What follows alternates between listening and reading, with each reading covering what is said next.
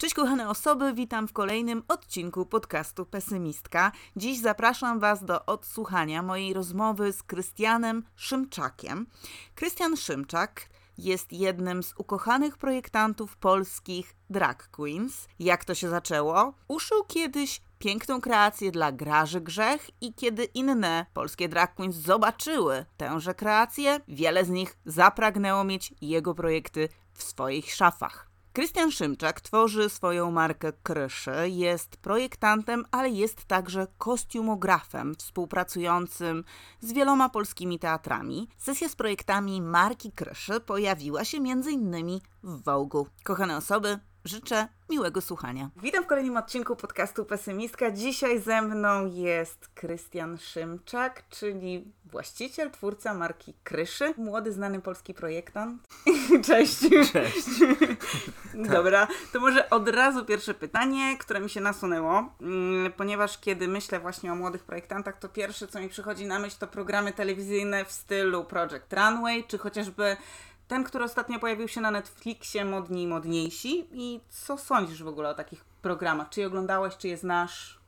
No pewnie, że oglądałem. Myślę, że dużo osób to oglądało, więc y, dowodzi to tego, że te programy mają sens i, i faktycznie jest spore grono odbiorców. Mhm.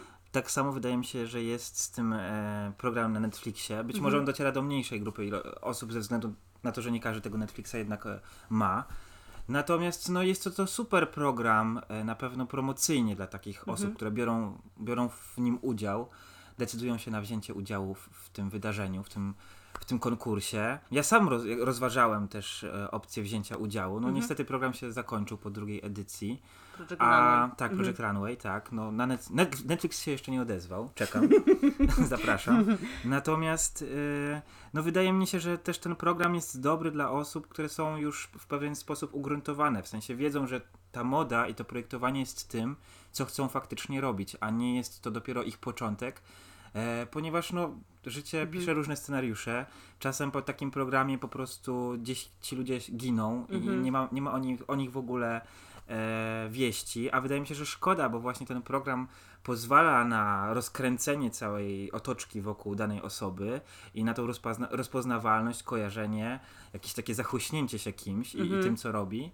I trzeba to wykorzystać na maksa i uważam, że właśnie wtedy to ma sens. Natomiast w momencie, jeżeli ktoś bierze udział tylko po to, żeby stać się rozpoznawalnym, a potem kompletnie tego nie mhm. wykorzystuje, mhm no to szkoda. Po prostu szkoda całego, e, wydaje mi się. Czyli te programy bardziej do promocji, aniżeli do nauczenia się czegoś. Tak, oczywiście. No, wydaje mi się, że w tych programach już naprawdę dużo trzeba umieć. Mhm. E, ze względu na to, że masz ograniczenia czasowe, musisz to szybko uszyć, musisz znać konstrukcję, potrafić e, sobie poradzić ze stresowymi sytuacjami, gdzie czasem coś ci nie wychodzi. Mhm, mhm. A wiadomo, że jak trzeba zrobić coś na już, to wszystko idzie pod, nie tak i pod górkę i i nagle po prostu czas się kończy, a ty nie masz nic. A co może Także nie wyjść? Wszystko, nie wiem, może ci się zszyć coś krzywo, albo zszyjesz y, jedną stronę po prawej, a drugą po lewej. Wiesz, mhm. jakby, no, jak się szyje, trzeba się skupić, bo jest dużo rzeczy, gdzie można coś łatwo zepsuć. Oczywiście wszystko da się naprawić, ale prawie wszystko, ale no w momencie, kiedy nie ma czasu, no to nie ma czasu na pomyłki. Mhm. Dlatego trzeba być doświadczonym, uważam. Przynajmniej podstawowe takie umiejętności już mhm. posiadać. Mhm. No ja tak zauważyłam, że w tym programie właśnie Netflixowym Modni i Modniejsi to najczęściej to, z czym oni się borykają, to to, że przychodzi model, modelka i okazuje się, że coś nie pasuje do końca. Że coś jest za luźne. Tak, zazwyczaj tak jest, no ze względu na to, że też e, wszyscy szyjemy na manekiny, tak samo w tych mhm. programach. I, no a żywy człowiek to żywy człowiek. Teoretycznie mhm. są to wymiary modelingowe, czyli te 36-34, natomiast yy, natomiast no wiadomo, no każdy ma inną budowę ciała. Mhm. Modele są zazwyczaj też troszkę dłuż, dłużsi, mają dłuższe tło, tłowia albo dłuższe mhm. nogi mhm. i no i to są czasem te, te, te, mm, te błędy wynikające mhm. po prostu z tego, jak my sobie szyjemy, a później jak to trzeba skonfrontować z żywym człowiekiem. Mhm. A powiedz mi, jak ty zaczynałeś? Hmm, no ja zaczynałem od początku, czyli w szkole. Zaczynałem no ale skąd się wziął w ogóle pomysł na to, żeby pójść do szkoły? A to już od małego. To się, to się urodziło w przedszkolu mhm. w sumie. Naprawdę? W głowie ja bardzo dużo szkicowałem. Jako, że moja mama odebra, odbierała mnie z przedszkola bardzo późno, bo tak mhm. też kończyła swoją pracę, bo jest też nauczycielem i zanim wróciła ze swojej szkoły mhm. po swoje dziecko, to ja miałem dużo czasu, e, żeby właśnie coś robić, Mhm. a jako, że było mało dzieci w przedszkolu tak, do tak późna, no to ja sam się musiałem jakoś animować sobie czas Mhm. i no i rysowałem, bardzo dużo szkicowałem. Mieliśmy, pamiętam, pudełka na buty, w których właśnie każdy odkładał swoje rysunki. Mhm. No i moje, moje pudełko było zawsze najszybciej zapełnione, więc co chwilę to opróżnialiśmy. E, No i pro, projektowałem właśnie od małego. Uczyłem się, pamiętam, że to jest rysunek za rysunkiem, rysunek za rysunkiem. Ciągle to było gdzieś, Mhm. gdzieś we mnie. Nie rysowałem sobie nic innego, tylko właśnie dziewczynki, dziewczyny, modelki. Mhm. Mhm. I to, to było dziwne. Pamiętam, że panie się często pytały, dlaczego? Mhm. Dlaczego tylko kobiety? Dlaczego tylko właśnie dziwne stroje, dziwne rzeczy? No ja mówiłem, że tak po prostu, ta, taką mam wyobraźnię i to chcę Mhm, robić. No i to mhm. już był początek. Później oczywiście podstawówka, gimnazjum to już były jakieś pierwsze w ogóle zetknięcia się z maszyną. Mhm. Jako, że moja ciocia miała maszynę i gdzieś tam e, coś próbowałem sobie robić, coś szyć. Nie dla siebie, ale po prostu jakieś próby. Pamiętam, że pierwszą rzeczą, jaką uszyłem, to był, to był gorset, taki stanik gorset krótki Mhm. e, z modelu z burdy, czyli z takiej gazety z wykrojami. Jako, że moja ciocia kilka właśnie takich miała. I ja oczywiście, no zamiast uszyć coś najprostszego, to wziąłem sobie coś, co jest bardzo trudne. To się Ale oczywiście... było ładne. Ale było, ale było ładne, tak, więc od razu zacząłem sobie to szyć. Y, No, uszyłem, może nie perfekcyjnie, bo to wiadome, ale, ale, ale Mhm. wyglądało jak taki stanik gorsetowy, więc spoko. Mhm. Mhm. Później to szycie, jako że w liceum też zacząłem dużo różnych, liceum plastycznym przede wszystkim, Mhm. ja też już wiedziałem, że gdzieś ta sztuka to jest to. Też w pewnym czasie historia sztuki mocno mną zawładnęła i, i właściwie wydawało mi się, że pójdę Mhm. w tym kierunku. Ale w liceum, w połowie liceum się to zmieniło. Ja się przeprowadziłem do Gdyni z Łodzi i e, no i tam w sumie tam dużo malowałem. Gdzieś ta moda też ode, odeszła trochę na bok. Pamiętam, że w międzyczasie powstała jedna kolekcja, taka mini kolekcja. Pojechałem z nią na konkurs do, do Kielc, na Off Fashion. Wow. No ale tam to były trzy, trzy, trzy albo cztery sylwetki, ale to, to był taki, wiesz, jednorazowy strzał, nic z tego jakby Mhm. nie wyszło Mhm. dalej. Mhm. No i wróciłem do Gdyni, skończyłem liceum, później przeprowadzka do Poznania. W Poznaniu zacząłem studiować scenografię i projektowanie ubioru. Najpierw to łapie. tak, na, na Uniwersytecie Artystycznym i co? I dziś ta moda po prostu zaczęła być częścią życia, w sensie Mhm. dzień w dzień, zajęcia, projekty, no, zadania, no jakby Mhm, to już mhm, szło naturalnie. No i co? No, skończyłem najpierw licencję, gdzie powstała pierwsza kolekcja, taka dziewięciosylwetkowa, Mhm. później magisterka. Podczas magisterki ja już zacząłem faktycznie normalnie tworzyć jakieś takie mini kolekcje, Mhm. aż na dyplom właśnie powstała taka pierwsza większa kolekcja. No i teraz już od czasu, kiedy skończyłem te studia, no szyję Mhm. ciągle regularnie. A jak trafiłeś do teatru? No teatr właśnie to, to jakiś totalny przypadek. Ja tego nigdy nie. To jest akurat coś, czego nigdy nie zakładałem. To Mhm. tak naprawdę tylko dzięki uczelni i dzięki temu, że ktoś zobaczył we mnie potencjał na Mhm. uczelni i, i stwierdził, że faktycznie oprócz mody w teatrze też się na pewno odnajdę, Mhm. a przynajmniej warto spróbować. No i faktycznie spróbowałem. Okazało się raz, że jest super, drugi raz, że jest jeszcze bardziej super. No i tak zostałem. No. Trafiłem też na świetnego człowieka, który mi pomógł w teatrze, który mnie wprowadził w te całe arkana, że tak powiem, teatru. E, Mirka Kaczmarka, scenografa, kostiumografa. Mm, No i działaliśmy przez 4 lata bodajże cały czas razem. Mhm. Może nie cały czas, ale przy wielu projektach faktycznie dużych. Ja się faktycznie bardzo dużo nauczyłem, dużo ludzi poznałem. Mhm. No a w tej chwili już samemu gdzieś tam sobie działam. A czym się różni takie szycie, że tak powiem, do teatru, kostiumu od takich normalnych ubrań, w sensie na przykład szycia własnej kolekcji? Różni się to na pewno tym, że w teatrze przede wszystkim projektuję kostiumy, wybieram tkaniny, natomiast szyją to zazwyczaj krawcowe. Całe Okej. pracownie krawieckie. Mhm. I ja jestem tylko tym, który nadzoruje cały proces. Oczywiście Mhm. czasami zdarza się, że sam też muszę szyć, ponieważ nie ma kto tego uszyć, a nie ma budżetu na to, żeby zlecić to gdzieś na zewnątrz, więc wtedy zawijam rękawy, podwijam i, i to robię. Mhm. Mhm. Natomiast w momencie, kiedy szyję kolekcję, no to, to już wtedy robię wszystko sam od początku, od A do Z. Włącznie z szyciem, wykańczaniem. A czy są jakieś inne, nie wiem, czy to się różni jakoś zasadami, jak te stroje są konstruowane? W sensie na przykład y, dla mnie takim dosyć charakterystycznym odniesieniem są ciuchy, które widziałam w operze. Mhm. Często te ubrania nie są do końca takie idealne, No tak, często tak jest, że... niewykończone są, nie są idealnie wykończone. Tak, o, bo to nie jest konfekcja. Mm, To nie, jakby w teatrze szyjemy kostiumy.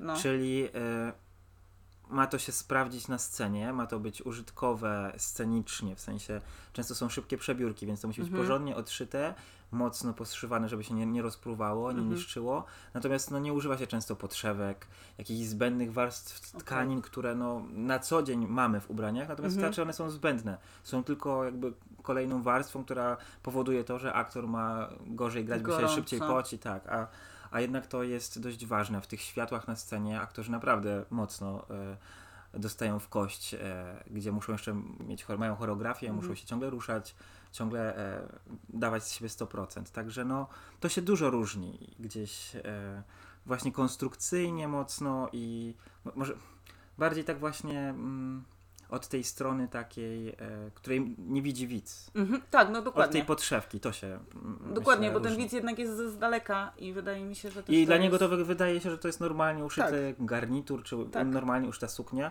Natomiast właśnie nie, no też często z drugiej strony właśnie w teatrze wszystko musi być większe, żeby z daleka, na, z, ostatniego z rzędu wydawało Mhm. się, że jest normalne, a tak naprawdę często ubrania są przeskalowane, Mhm. żeby ten efekt wydawał się faktycznie, że nie wiem, wychodzi A. kobieta w wielkiej sukni i ta suknia naprawdę jest ogromna, bo żeby, żeby ten efekt taki był. No dobra, a to tak teraz mi się jeszcze skojarzyło a propos teatru. A jak trafiłeś na Drag Queens? No i to akurat y, w sumie przypadek. Która była pierwsza? Mm. E, no pierwsza była Graża. Od Okej, Graży się zaczęło. Najstarsza na początku. to wytniemy. To wytnie. Zaczęło się to tak, że mieliśmy ostatnie zadanie, takie zadanie, które mogliśmy sobie sami wymyślić na studiach. Na studiach. ostatnim roku studiów, na ostatni semestr drugiego roku magisterki. Mhm. Więc ja stwierdziłem, że chciałbym mm, zrobić coś, co, czego jeszcze nie robiłem. Coś Mhm. taki, tak totalnie sobie poszaleć, wiesz, po, wyżyć się jeszcze mm, właśnie tak krawiecko i zrobić coś, czego nie robiłem e, na studiach, bo, bo nie miałem okazji, bo nie było kiedy. Coś, czego wiedziałem, że w teatrze być może nie, nie będę akurat miał kiedy zrobić. Mhm. No i tak wpadłem na ten pomysł, żeby uszyć coś dla drag queen, jakiś kostium. Mhm. Bardzo wtedy chciałem, wiem, że zabawić się właśnie printem, czarnobie- czarno-białym printem, tym, żeby to się mm, wszystko w oczach mm, kręciło, wirowało i nie wiadomo skąd co wychodziło, więc sobie, więc sobie to zaprojektowałem. Powstało wiele tych szkiców. Później do, udało się dotrzeć do Graży Grzech Mhm. przez moją znajomą, która ją poleci, mi, mnie ją poleciła. Ale to przez te znajomości z teatru? E, nie, to poleciła Przypadek. mi to znajoma z, jeszcze z Łodzi, która, Okej. też, która też akurat w tej sesji brała udział. A. Razem z Grażą, Julia. Mhm. E, I Pamiętam Julia powiedziała, że koniecznie muszę się odezwać właśnie do Graży, bo jest super i, i też fantastycznie na pewno zapozuje.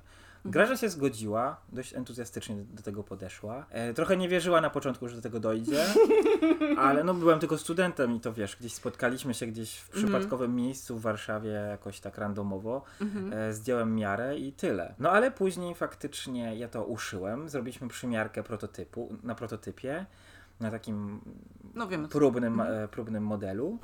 Okazało się, że to wszystko działa, wszystko jest ok, dobrze, Mhm. dobrze, dobrze leży. E, Ja też pierwszy raz, wiesz, mm, pro, problemem jest to, że jak szyjesz dla drag queen, to jakby szyjesz ubrania dla kobiety, ale na ciało mężczyzny zazwyczaj. Mhm. I to jest trochę mindfuck. W sensie troszeczkę jest to ciężkie, bo musisz mm, zastosować e, szerokie bary, szerokie bary, tak, konstrukcję męską, ale w formie ale pa, męs- pa, damskiej, pady, tak, pa- pady na tak, no, biodra. ale też nie każde drag queen te No, pady to stosuje. wszystko To jest, tak. W Polsce mamy trochę też inny ten drag. Jakby nie, Mhm, ma, nie jest mhm. taki typowo amerykański drag, który właśnie ma sztuczne piersi, Pady, te pady. Wszystko jest i tak, taki tak, i wszystko. tak, tak, tak. No. To, to trochę inaczej u nas działa. Mhm. I myślę, że dobrze akurat, to tak prywatnie. Natomiast tak, to było to pierwsze zadanie na studiach. Ono się udało, wyszło, wyszła świetna sesja. Mhm. Maciej Zakrzewski zrobił super zdjęcia. No i tak poszło, poszło to w świat, w internet. Mhm, Ludzie mhm. nagle zaczęło to docierać do jakiejś super dużej ilości ludzi. Ja nie, nie sądziłem, że to tak się potoczy. No a później to już poszło samo, jakby wiadomości zaczęły spływać, ludzie zaczęli pytać, no i zacząłem szyć. I Mhm. to jest super frajda do dzisiaj, Mhm, bo wiesz, mhm. coś czego nigdzie właśnie ani, ani w modzie, ani w teatrze nie jestem w stanie zrealizować. To tylko drag daje Mhm. tą przestrzeń do tego typu rzeczy. W sensie do takiej kreatywności. Do takiej kreatywności, do takiego szalenia formą, zabawy formą, Mhm. zabawy, wiesz, y, kolorem, różnymi właśnie strukturami, tego, że nigdy nie jest za dużo, tego, że możesz naprawdę A sobie mi, przesadzić. teraz mi się tak skojarzyło, jeżeli na przykład masz takie zlecenie z teatru, Mhm. przepraszam, że ja tak ten teatr drążę, Dobrze, ale dobrze. jak to wygląda? Czy to jest tak, że reżyser na przykład mówi, co on chce? Czy, No, bazą- ile ty masz przestrzeni na swoją kreatywność? Zależy od reżysera. Okej. Okay. Nie no, zazwyczaj jest tak, że wiesz, jeżeli ktoś się do mnie odzywa o współpracę, no to Mhm. daje mi tekst. Mówi, że A, ma no, no, to i no. to do zrobienia, czy chciałby zrobić to i to, chciałby to zrobić ze mną. Oczywiście, no każdy z nas ma jakieś w głowie pierwsze, wiesz, plany, pomysły, coś, co chciałby akurat przy danym tekście wykorzystać, czy zastosować. Ja biorę to pod uwagę, czytam tekst, y, jakoś to sobie projektuję już w głowie, później zbieram inspirację, szukam różnych tropów, wysyłam to reżyserowi, no i Mhm. gadamy. No. To Mhm, jest, wiesz, mhm. proces, to jest dialog. E, czasami się ścieramy, czasami się zga- zgadzamy od razu od pierwszego, wiesz, e, e, pierwszej inspiracji, pierwszego szkicu, tak, to jest to. No a czasem się okazuje, że to, co nam się wydawało słuszne i najlepsze, nagle na scenie, na danym aktorze, aktorce po prostu no, nie działa, nie, nie funkcjonuje. Aktor się w tym nie czuje, nie gra, no i to nie siedzi po prostu. Tam jak, tak jak powinno i tak jak wydawało się, że będzie. No i wtedy trzeba na szybko kombinować coś innego, szukać innego rozwiązania. Natomiast, no nie no, ja biorę odpowiedzialność zazwyczaj za kostiumy, scenografię mm, i to ja się pod tym podpisuję, więc to są moje, moje rzeczy, które są oczywiście z każdą ze stron obgadane, dogadane, zaakceptowane. Też dyrekcja musi się zawsze zgodzić Mhm. na produkcję danych projektów. Także to, no to nie jest tak, że mam taką totalnie samowol, Mhm. samowolkę i dobra, teraz będzie tak, zobaczycie w dniu premiery, co zrobiłem. No nie, no jakby od początku jesteśmy w tym procesie Mhm. razem, pracujemy nad tym razem. Ja oczywiście mam swoje działki, każdy ma e, swoje, swoje zadania, natomiast e, no ja biorę, podpisuję się pod tym Mhm. finalnie. No a w momencie, kiedy na przykład właśnie jest taki scenariusz, albo już teraz trochę może odchodząc od tego teatru, jeżeli to już jest Twoja kolekcja, to jak znajdujesz inspirację, jak to wszystko w ogóle się dzieje, jak to powstaje? W teatrze jest tak, że inspiracją często są, no ten tekst daje, te postacie, które są na, Mhm. nakreślone w scenariuszu, one, wiesz, budzą gdzieś z tyłu głowy tobie jakieś skojarzenia z czymś, z Mhm. kimś, z jakimś wizerunkiem, z jakąś postacią, y, z jakimiś skojarzeniami, które gdzieś zobaczyłem w internecie, albo w książce, albo gdziekolwiek na ulicy zrobiłem sobie Mhm. zdjęcie. To są jakieś takie zapiski po prostu z pamięci, które sobie przywołuję, albo właśnie, albo z tej sieci. Natomiast z kolekcją jest o tyle inaczej, że no tutaj mnie nikt nie ogranicza niczym. Mhm. I to jest taki totalnie, wiesz, e, otwarty, otwarta przestrzeń dla mnie, gdzie ja mogę zrealizować coś, co siedzi we mnie, albo w mojej głowie, albo nagle gdzieś mi przyszło w pociągu, czy jadąc tramwajem, że o Jezu, tak, teraz muszę to zrobić. No i to jest, to tak zazwyczaj jest. Oczywiście zazwyczaj jest tak, że ta pierwsza myśl faktycznie w głowie zostaje i to ona Mhm. jest tą myślą przewodnią, jeżeli chodzi o tworzenie kolekcji. Natomiast to też często w trakcie, już w procesie szycia ewoluuje i często wszystkie szkice, które sobie robię na początku i zbieram i układam sobie w całość, one się mocno zmieniają ze względu na to, że na bieżąco też widzimy, widzę, jak dużo rzeczy nagle się okazuje być ciekawszych, albo Mhm. że wydawało mi się, że to będzie takie, tak i tak super wyglądało, ale się nagle okazuje, że tutaj coś przeszyję Mhm. inaczej, tutaj coś się zmienię, zrobię na odwrót i jest jeszcze lepiej, więc Mhm. e, no, m, kolekcja, inspiracja jest zawsze ta, zostaje się taka sama, natomiast ta forma kolekcji często właśnie ewoluuje do ostatniej chwili i nawet Mhm. często na sesjach, wiesz, okazuje się, że modelka mówi, a zobacz, tak założyłam i okazuje się, Mhm. że jest super i Mhm. tak też się da, więc to jest trochę zabawa.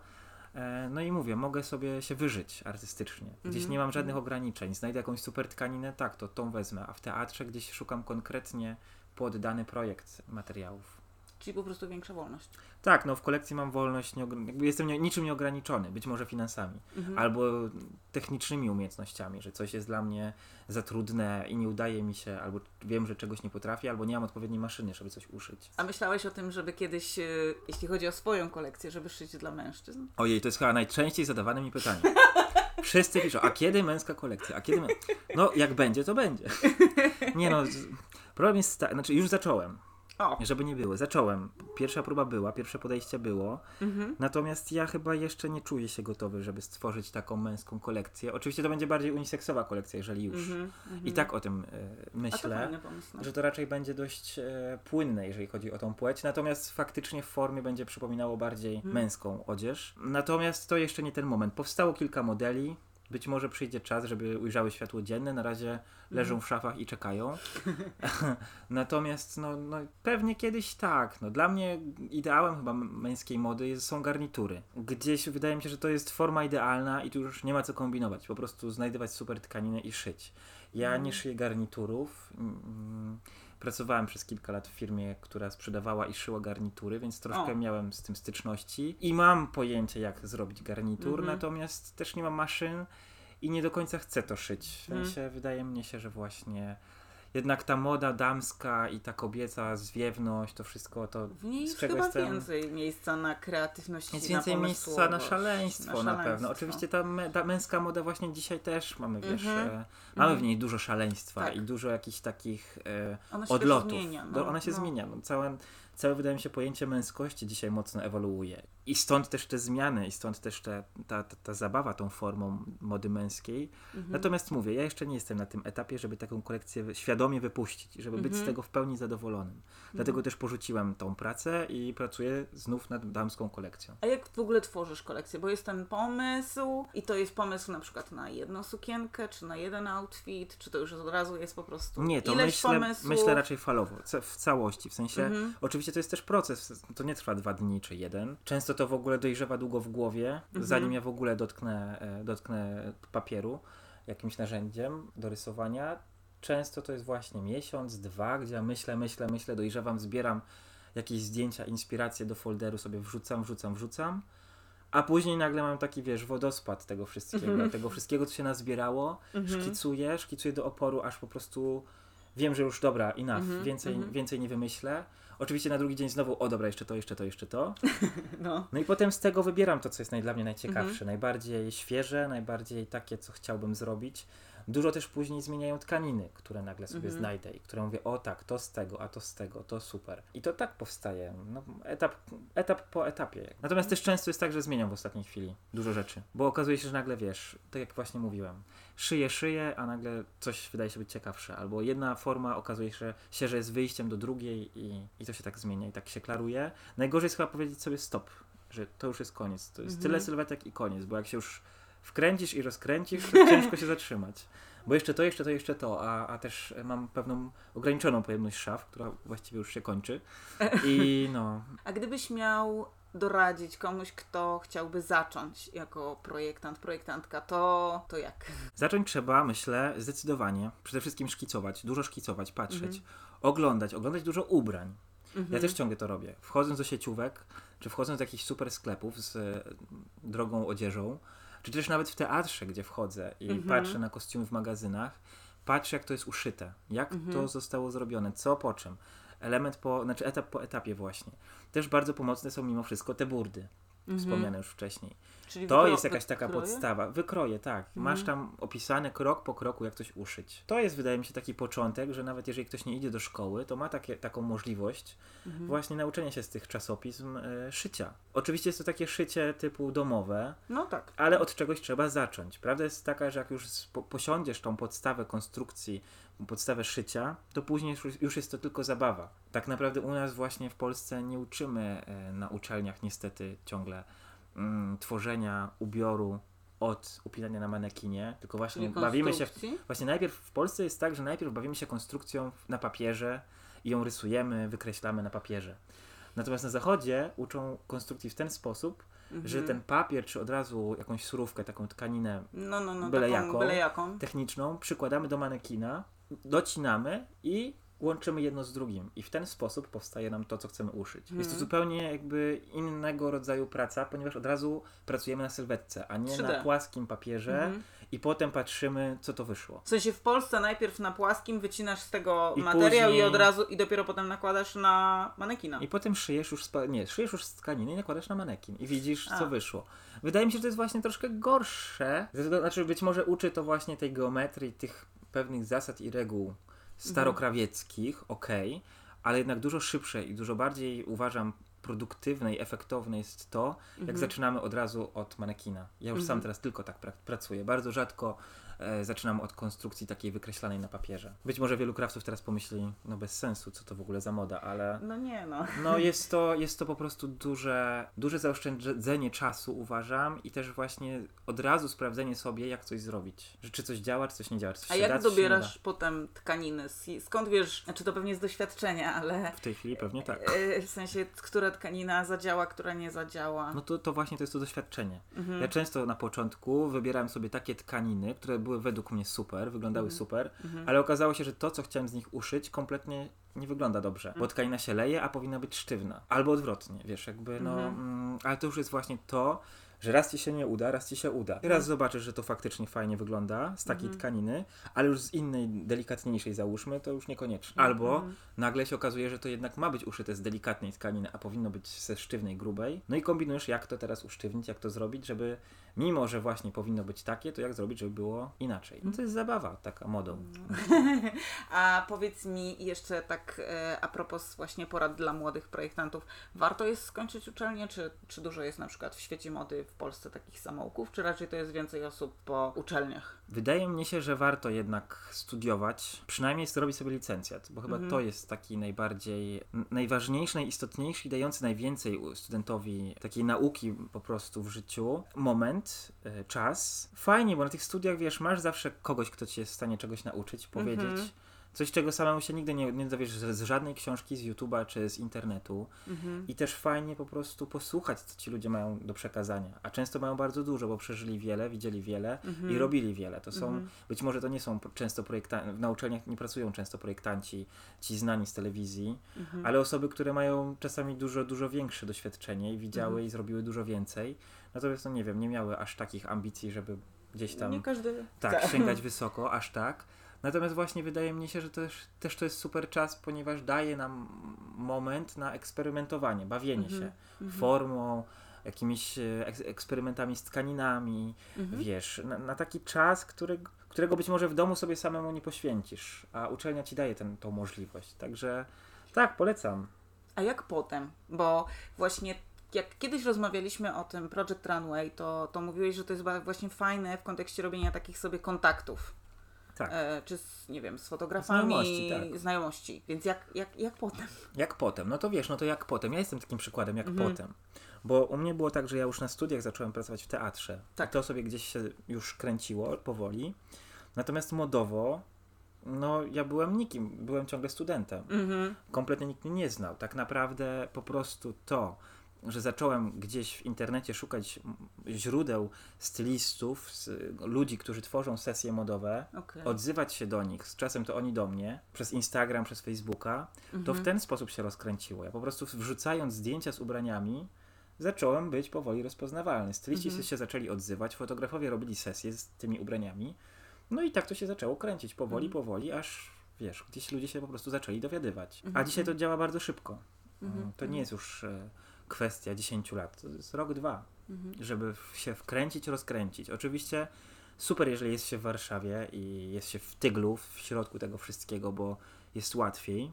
Natomiast nie jest to niemożliwe w momencie, jak jest się w innym mieście. A jak jakby masz jakieś takie marzenia, jakbyś chciał e, rozwijać dalej markę Kryszy? O, no marzenia są, oczywiście, jakieś takie dość duże. Na pewno, nie wiem, chciałbym gdzieś zawojować ten zachodni rynek e, Mhm. oprócz polskiego, bo, bo wydaje mi się, że tutaj jeszcze jest dużo do zrobienia i dużo do, dużo, dużo rzeczy mam w głowie i planów. Niedługo Warszawa, e, gdzie będę na stałe, więc myślę, że to mi też Mhm. dużo furtek pootwiera.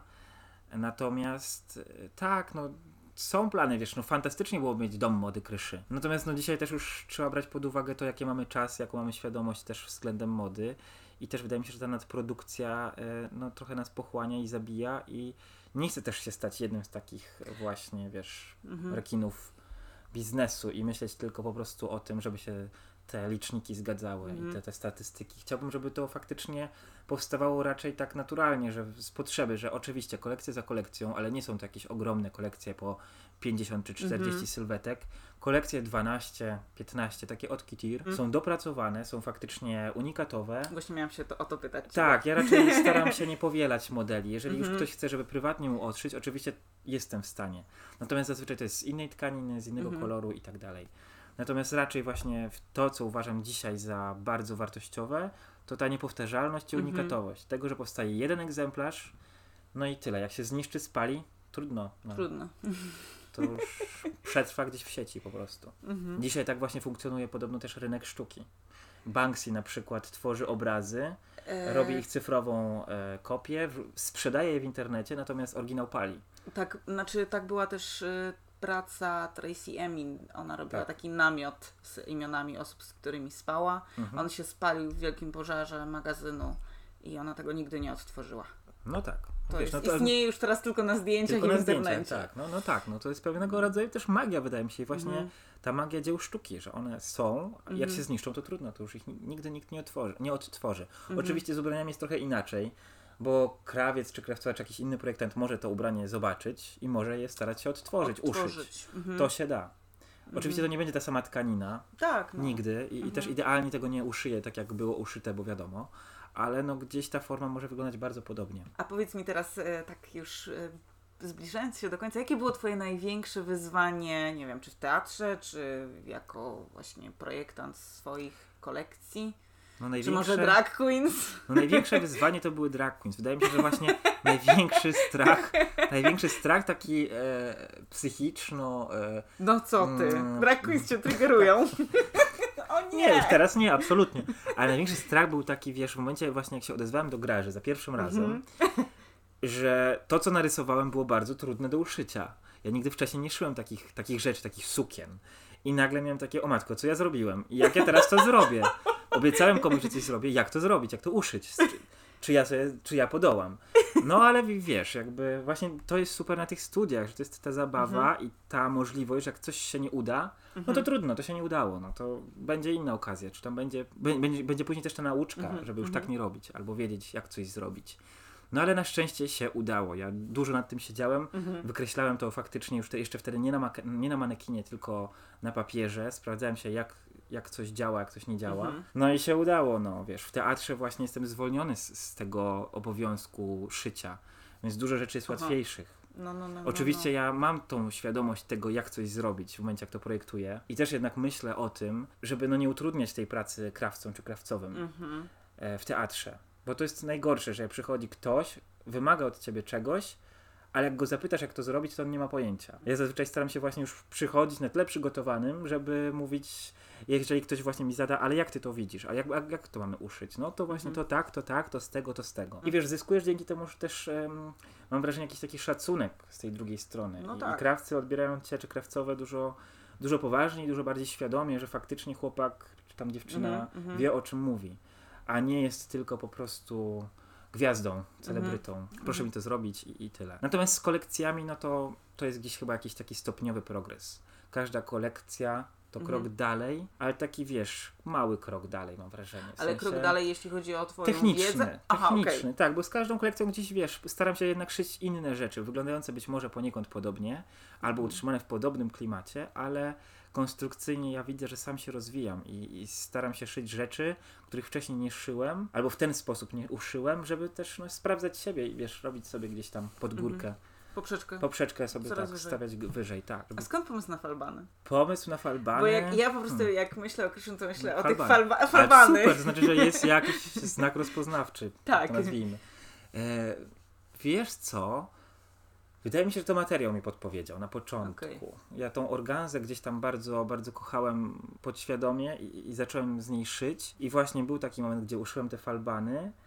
No i stwierdziłem, że ojejku, tak, to jest, to jest totalnie to, co, co Mhm. gdzieś zawsze chciałem po prostu przekazać ubraniami. Mhm. Ten, tą zwiewność, tą Tak. taką eteryczność, romantyczność, poezję. I gdzieś to we mnie siedzi.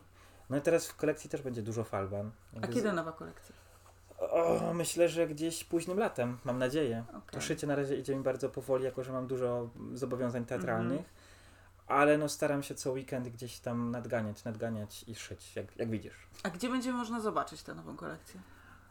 W sensie to Ojej. będzie, z- to będą, no teraz to jest pandemia, No właśnie, mam trochę... taki czas, że trochę trudno No. planować. Mam Mhm. nadzieję, że uda się po raz pierwszy zrobić jakiś taki pokaz, Mhm. e, pokaz kolekcji oficjalny. Mhm. Być może właśnie już w Warszawie, ale tego jeszcze nie jestem w stanie za- zapewnić. Na pewno będzie świetna kampania. Mam nadzieję, że będzie świetna. I, I zaprosisz drag queens Ja, na widownię, tak, na oczywiście. widownię. Tym razem na widownię. Na widownię, tak. Tak. No, wiadomo, pierwszy rząd.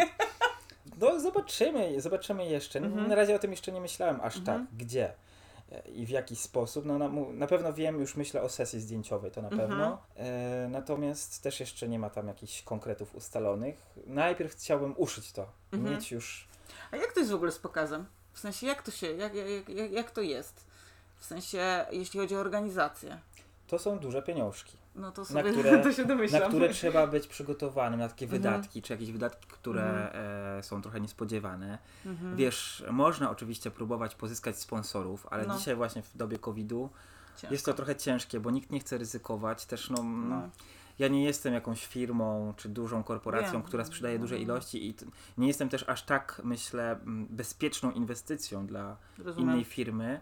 Więc to bardziej, jeżeli już myślę, to mogła być to współpraca dla tej drugiej strony taka e, prestiżowo, no jakaś taka działalność wspierająca młodych twórców. I oczywiście super, gdyby ktoś taki się znalazł. Ja zapraszam. Jestem otwarty i chętny.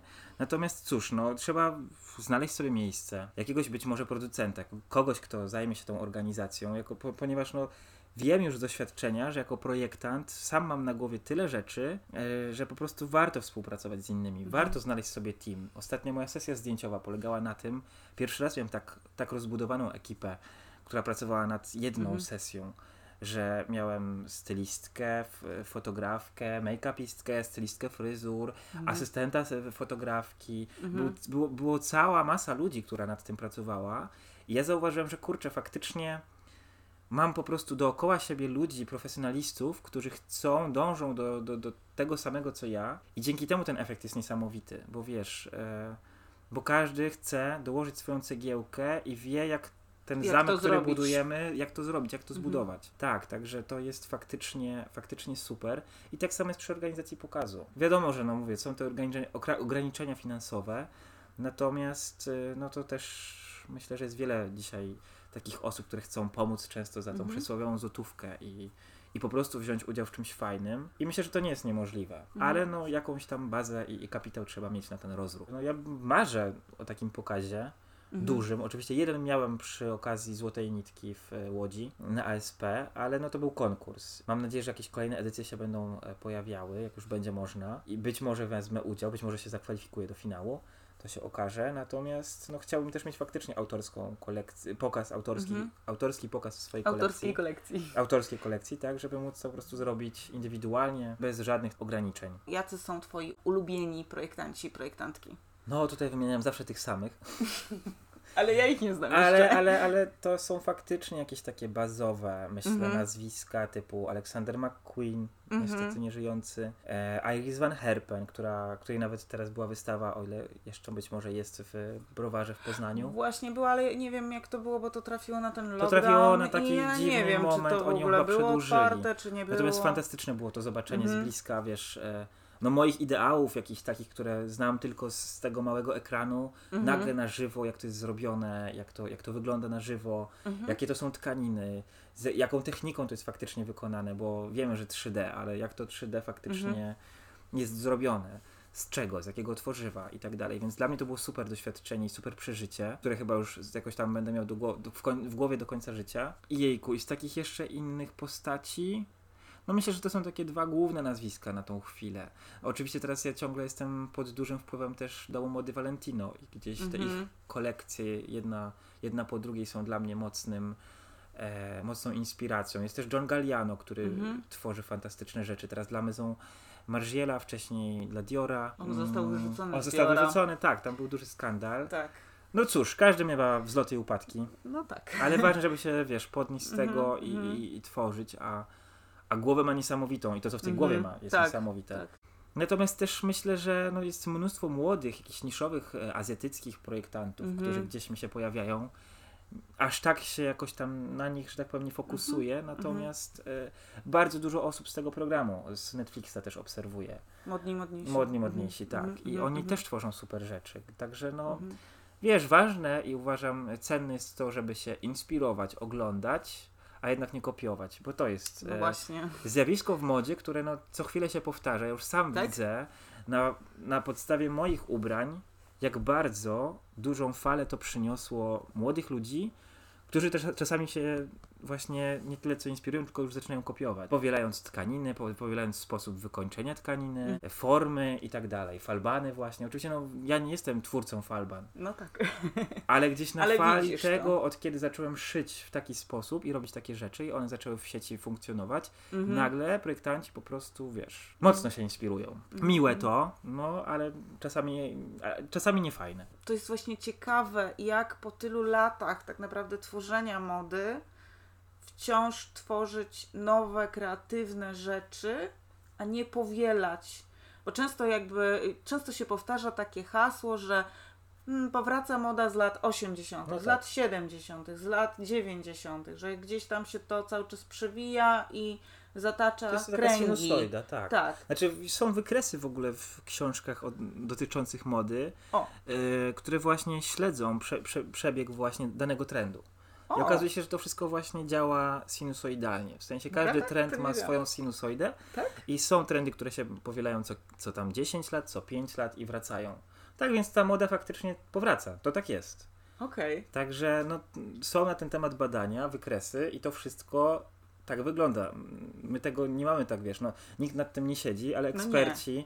Eksperci, faktycznie to zbadali, że te trendy powracają i to tak jest. Teraz mamy taki czas, myślę, że też bardzo dużo rzeczy jest modnych, bo można mo- nosić wszystko i wszystko może być modne. Mhm. Takie mamy czasy. Natomiast są jakieś takie w świecie mody e, faktycznie nad, nadrzędne trendy, które coś, co jest na czasie. Ja oczywiście się gdzieś tam temu przyglądam, staram mimo się wszystko samemu jednak tworzyć po swojemu.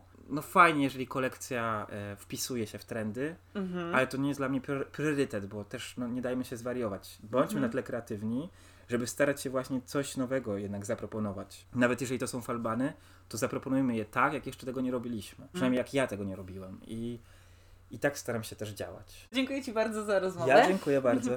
I życzę Ci w takim razie udanej nowej kolekcji.